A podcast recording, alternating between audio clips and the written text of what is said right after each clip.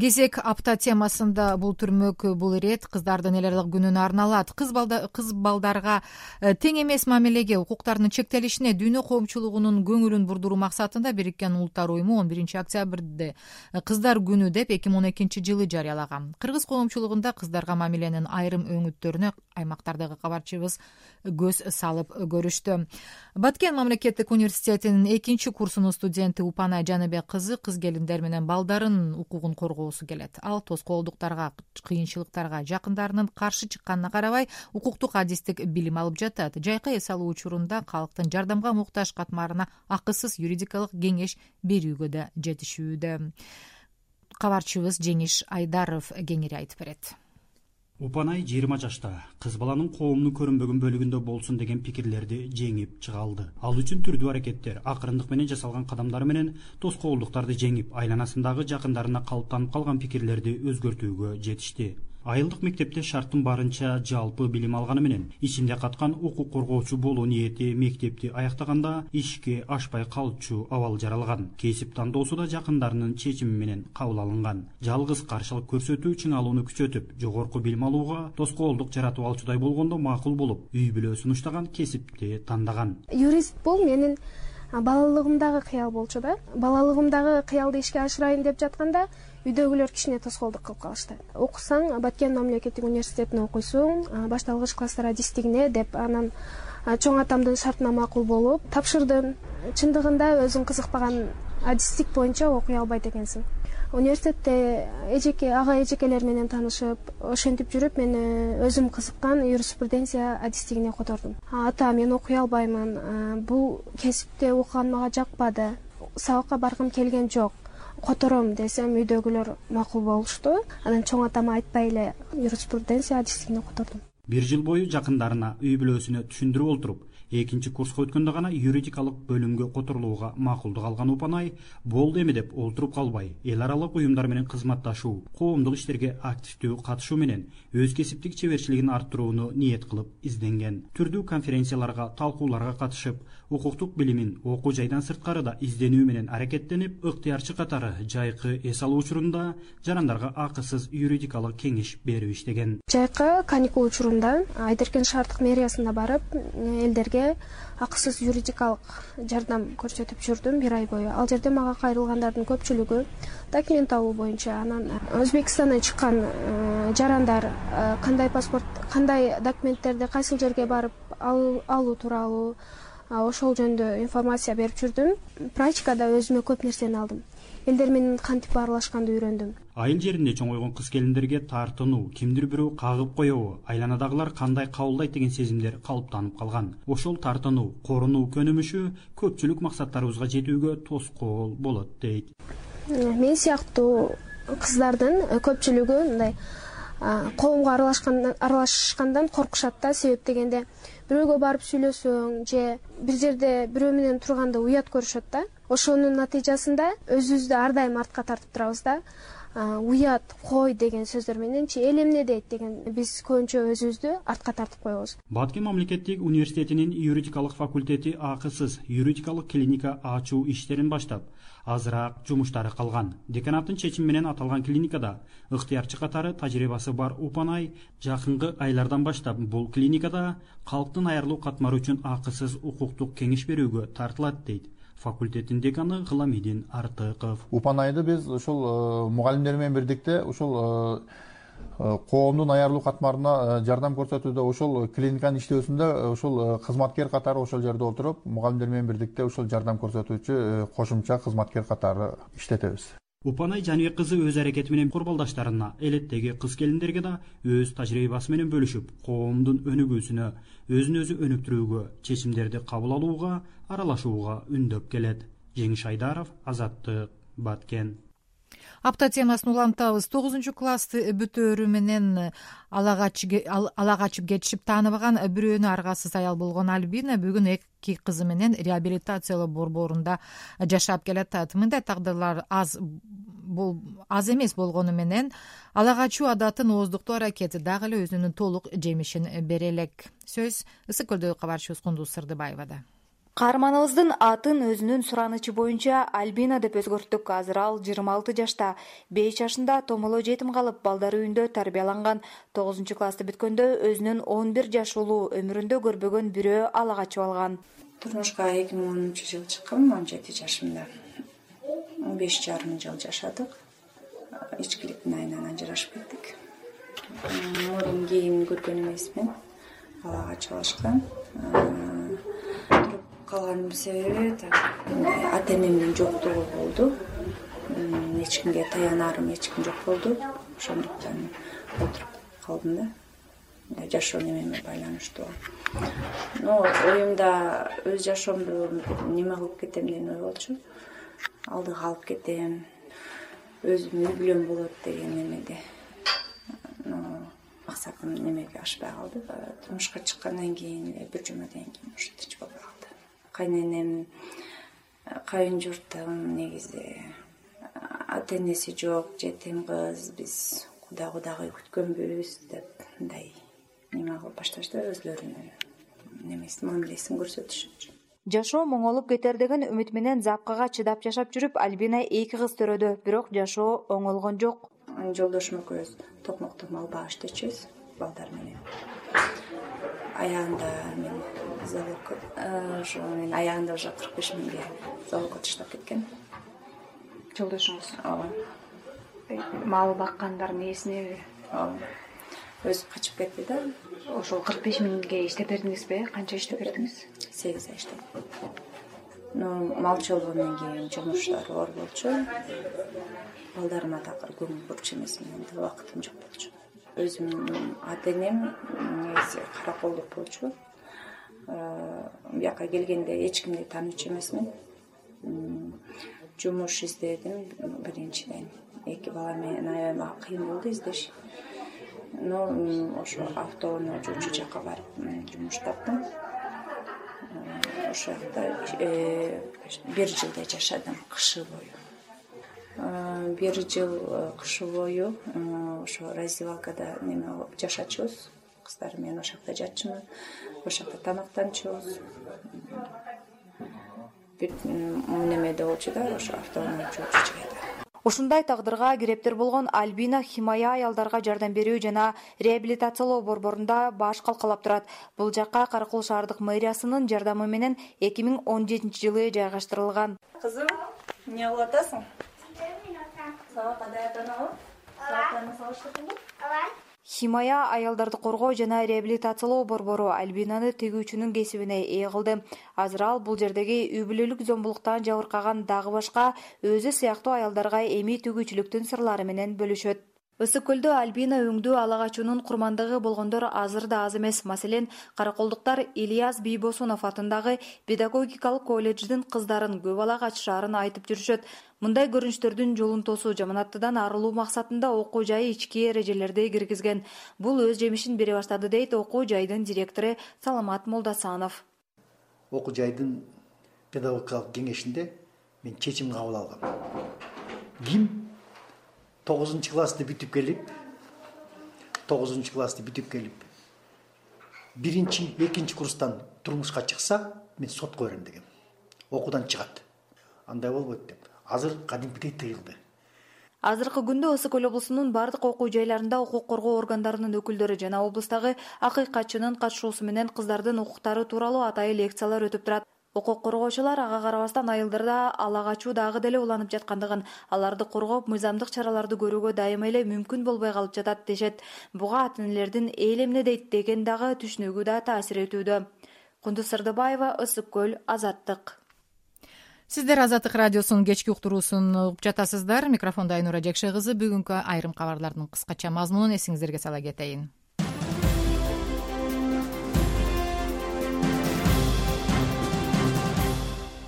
акш сенатында түркияны жазалоо боюнча демилге көтөрүлдү. Түрк аскерлери болсо сириянын түндүгүндөгү күрд кошундарына каршы жортугуунун экинчи күнүндө жердеги операциясын э, күчөтүштү жогорку кеңештин депутаты ирина карамушкина президент сооронбай жээнбековго кайрылып алмазбек атамбаевдин тарапташтарын кабыл алууну талап кылды. Жогорку кеңеште кыргызстанда уран казууга түбөлүк тыюу сала турган мыйзам долбоору экинчи окуудан өттү. Украинанын президенти владимир зеленский журналисттер менен өзгөчө жолугушууларды өткөрдү. Иран бийлиги кырк жылдан бери алгачкы ирет аялдарга стадиондон эркектердин футбол мелдешин көрүүгө уруксат берди. Ушул жана башка жаңылыктар менен азаттык чекит орг сайтыбыздан э, таанышсаңыздар болот. Биз болсо уктуруубузду улантабыз. Э, бүгүн апта темасы кыздардын э, эл аралык күнүнө арналган нарын мамлекеттик университетинин студенттери арузат деген кыймыл түзүп кыздардын укугун коргоого киришти. Алар облустун чар тарабын кыдырып окуу жайдын окутуучулары менен бирге айылдагы кыз келиндерге турмуш сабактарын өтүшүүдө кыймылдын маалыматы боюнча соңку жылдарда нарында өспүрүм курактагы э, көз жарган энелердин саны өскөн. Кененирээк мирлан кадыровдун репортажында. Нарын мамлекеттик университетиндеги арузат кыймылы эки миң он алтынчы жылы түзүлгөн курамында жүз чамалуу студент кыздар бар көпчүлүгү биринчи жана экинчи курстар. Жетекчиси окуу жайдын окутуучусу бактыгүл жусуеванын айтымында кыймылды түзүү зарылчылыгы соңку кезде бойго жетелик кыздардын эрте турмуш курушу менен секелек кезде эне болгон кыздарды коргоо үчүн келип чыккандыгын белгиледи көбүнчө биз мектеп менен байланышабыз мекемелер менен байланышабыз. Уюмдун мүчөлөрү биздин ошол быйылкы уюштулаткандыктан мен ушу биринчи курстун студенттерин жалаң кыздарын мүчө кылып алдым. Себеби ушулар улам улам ошол эме уюмду түптөп отурат. Улам кийинки курстарды тартып турат өзүлөрү кыргызстанда өспүрүм куракта турмуш кургандардын саны жалпы баш кошкондордун дээрлик он үч пайызын түзөт. Анын көпчүлүгү он сегиз жашка чыкпай эне болушат. Маселен нарын шаарынын тургуну айзада он жети жашында көз жарган өзүнөн беш жашка улуу күйөөсү менен он алты жашында интернет менен таанышып баш кошушкан. Убагында ата энеси деле каршы болушкан эмес азыр жашообуз эл катары өтүп жатат дейт айзада. Айылда мектепти э, бүтөөрү менен эле шаарга баргам иштөө үчүн анан. Ошол жактан ошо жолдошум менен интернет аркылуу таанышып телефон аркылуу сүйлөшүп жүрүп үйрөндүк. Деги эле соңку жылдары нарында өспүрүм куракта эне болгондор көбөйгөн. Мындай учур ушул жылдын башынан бери эле онго жетти. Бул көрүнүштү нарын облустук социалдык өнүктүрүү башкармалыгынын үй бүлө баалуулуктары боюнча адиси гүлмира султангазиева үй бүлөдөгү тарбиянын жетишсиздигинен улам болуп жатат деп эсептейт. Э, мен ойлойм эми бүгүнкү күндө ошол биздин ата энелерибиз тилекке каршы ошо өзүнүн ата энелик жоопкерчилиги жоктугунан балдарга туура эмес тарбия берип атат да. Бүгүнкү күндө биз баарыбыз билебиз ошо миграцияга ата энелер көп кетип балдарын Э, тайэне тайтага чоң эне чоң атага туугандарга э, кээ бир учурда бейтааныш адамдарга чыдап коюп ушул э, материалдык гана байлыкты көздөп баласына тарбия берүүнү мындай приоритет болбой калды да бүгүнкү күндө. Дегени менен мынтип өспүрүм куракта турмушка чыгып ыңыркай кучактаган секелектер балдарына документ алганда өзгөчө кыйналышат. Кыргызстандын мыйзамдарына ылайык. Нике кагаз алуу үчүн баш кошкон жарандар он сегиз жашка толушу шарт бирок жүйөлүү себеп болгон учурда бир жашка төмөндөтүүгө болот. Кызды жашы жете элек куракта мажбурлап күйөөгө берүү ала качуу үчүн мыйзамда жоопко тартылаары конкреттүү жазылган укук коргоочулар эл ичинде мындай мыйзам бузуулар тыйылбагандыгын ага коомчулук тартип коргоо органдары сот тармактары тарабынан бирдиктүү иш жүрбөй жаткандыгын белгилешет мирлан кадыров азаттык нарын облусу апта темасын улантабыз оштодо кыздарды эрте турмушка берүү кадыр эсе көрүнүштөрдүн бири. Бирок жаш курагы жетпегендиктен расмий никеге тургандар аз. Ушул жылдын башынан бери ош облустук жарандык абалдын актыларын каттоо бөлүмүнүн кызматкерлери никеге туруу курагы жетпеген бир жаш үй бүлөнү каттаган. Ал эми оштогу ак жүрөк кризистик борборуна эрте турмушка чыгып анын азабын тартып кайрылган кыз келиндердин саны арбын. Кабарчыбыз медер ниязбековдун репортажы ош шаарынын тургуну назбийке он жети жашында турмушка чыгып бирок ажырашып кетишкен. Азыр ал жогорку билим алуу тилегин учурунда ишке ашыра албай калганына өкүнөт. Азыр ошол өксүктү толтуруу аракетинде. Мен он биринчи классты бүтүп алты айдан кийин турмушка чыккам. Мен ошол учурда он жети жашта элем. Анда мен көбүрөөк кыйналдым турмушка чыккандан кийин. Азыр ойлоп көрсөм мен ошол учурда өзүм бала экенмин да. Кайын журтуң жакшы болсо сени жакшы өз кызыңдай алып түшүнүп кетет. Тилекке каршы менин кайын журтум андай болгон жок. Эң негизгиси мен баягы жогорку билимдүү боло албай калдым. Аябай аракет кылдым. Сактап калышты үй бүлөнүчү жаш болсом дагы сактап калышка ата энемди уят кылбашка. Бирок андай болгон жок. Кайрадан жогорку билимдүү болуп бир жакшы жумушка орношоюн деп аткам ошто кыздарды эрте турмушка узатуу кадыресе көрүнүш. Бирок анын пайдасынан зыяны көп болууда дейт. Ак жүрөк кризистик борборунун башчысы дарика асылбекова. Жылына бул уюмга эрте турмушка чыгып анын азабын тарткан төрт жүздөй кыз келин кайрылат. Кризистик борбордун кызматкерлери аларга укуктук юридикалык жана моралдык жардам көрсөтүшөт. Борбордун жетекчиси дарика асылбекова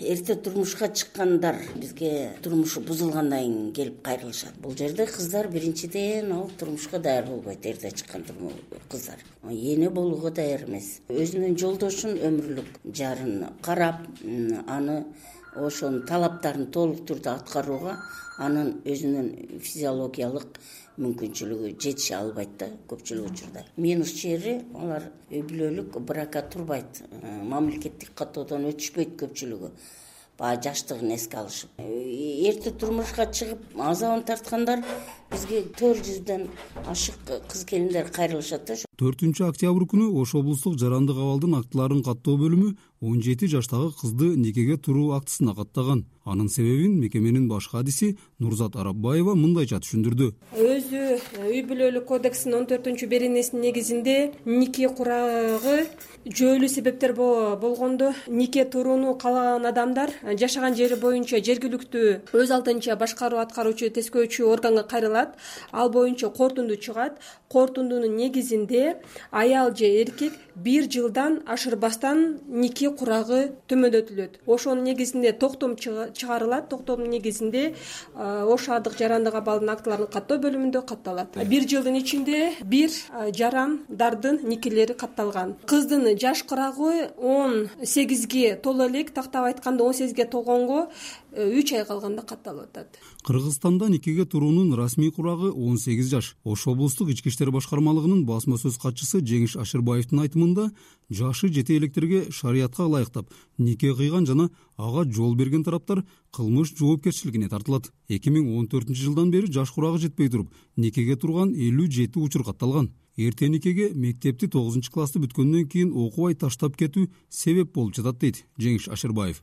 Айрыкча тогузунчу класс кыздар окубай калып атат. Ошондо же мектепке же жумушка барбай же башка жогорку окуу жайга окубай калып үйүндө калып калганда бойго жеткен кызды турмушка бериш керек деп ойлоп берип салып атышат он алты жашта тогузунчу класс бүткөндө ошон үчүн биз сунуш бергенбиз да буга чейин укук көргөндөр ошол баягы тогузунчу классты бүткөндөн кийин окубай койгонду жокко чыгарып милдеттүү түрдө он биринчи класс бүтсүн деген кирсин деп көп жылдан бери сунуш беребиз бирок өтпөй атат. Биз бирок быйыл дагы бирөө катталды азыр тергөө жүрүп атат бирок аягына чыга элек бирөө ошо эрте турмушка чыгып э, турмушка чыккан үчүн он жети жашында төрөгөн үчүн азыр кылмыш иши козулуп тергөө жүрүп атат. Тергөөнүн жүрүшүндө ошол бири жөрөлгөн менен нике кыйылган болсо күбө болгондор дагы нике кыйгандар дагы ата энелер да жооп катышат жашы нике курагына жете электе турмуш кургандар расмий каттоодон өтүүдөн качышат эрте турмушка чыгып бирок аны жашырып балалуу болгондо ачыкка чыккан учурлар көп катталып жатканын жеңиш ашырбаев билдирди.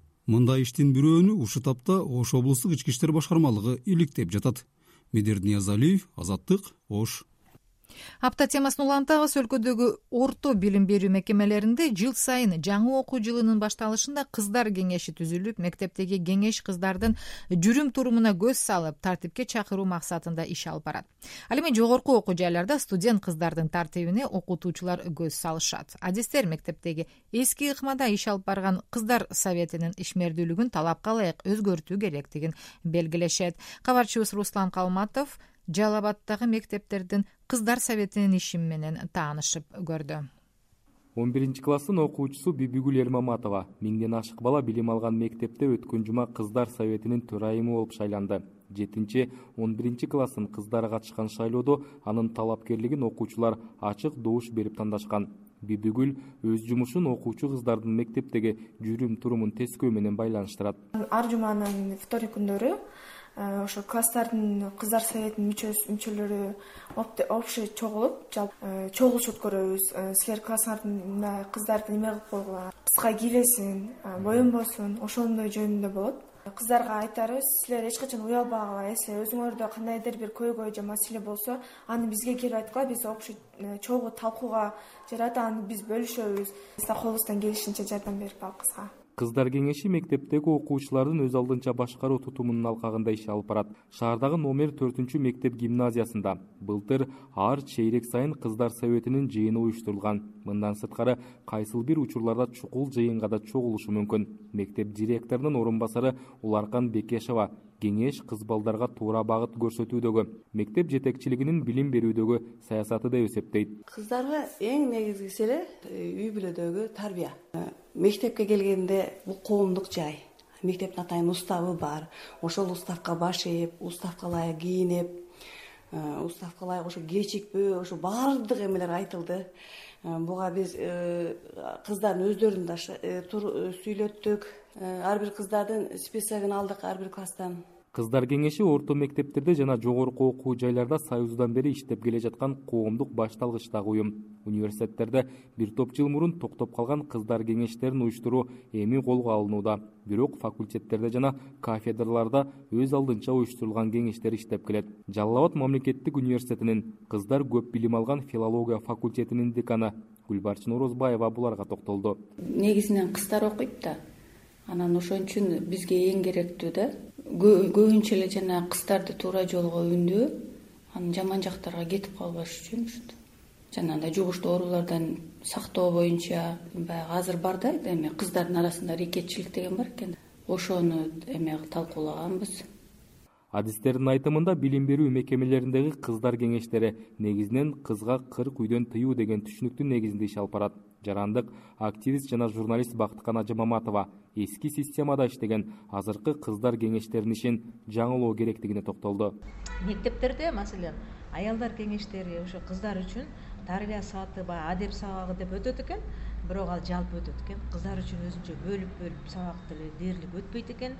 Баардыгы коомдук башталышта болуп атат да. Жогорку окуу жайларында аялдар кеңештерин бирөөгө эле тапшырып коет да. Жок деп айтпасын силерде аялдар кеңештери иштеп атабы? деп бирөө сураса и ооба бар паланча жүргүзүп атат деп бирөөгө милдет кылып койгондой эле кылып атат. Баягы биз э, коом алда кетип атат өнүгүп атат сыртынан караганда кыздарыбыз чоңоюп атат өсүп атат э, турмуш куруп атат эне болуп атат анан кийин ушинтип ушинтип кетип атат дегенибиз менен анан ички мынтип э, сүңгүп кирген болсокчу э азыркы менен ошол кездин айырмасы асма менен жердей кыздар өзүн эркин кармайт дагы баягы мугалимди уга бербейт.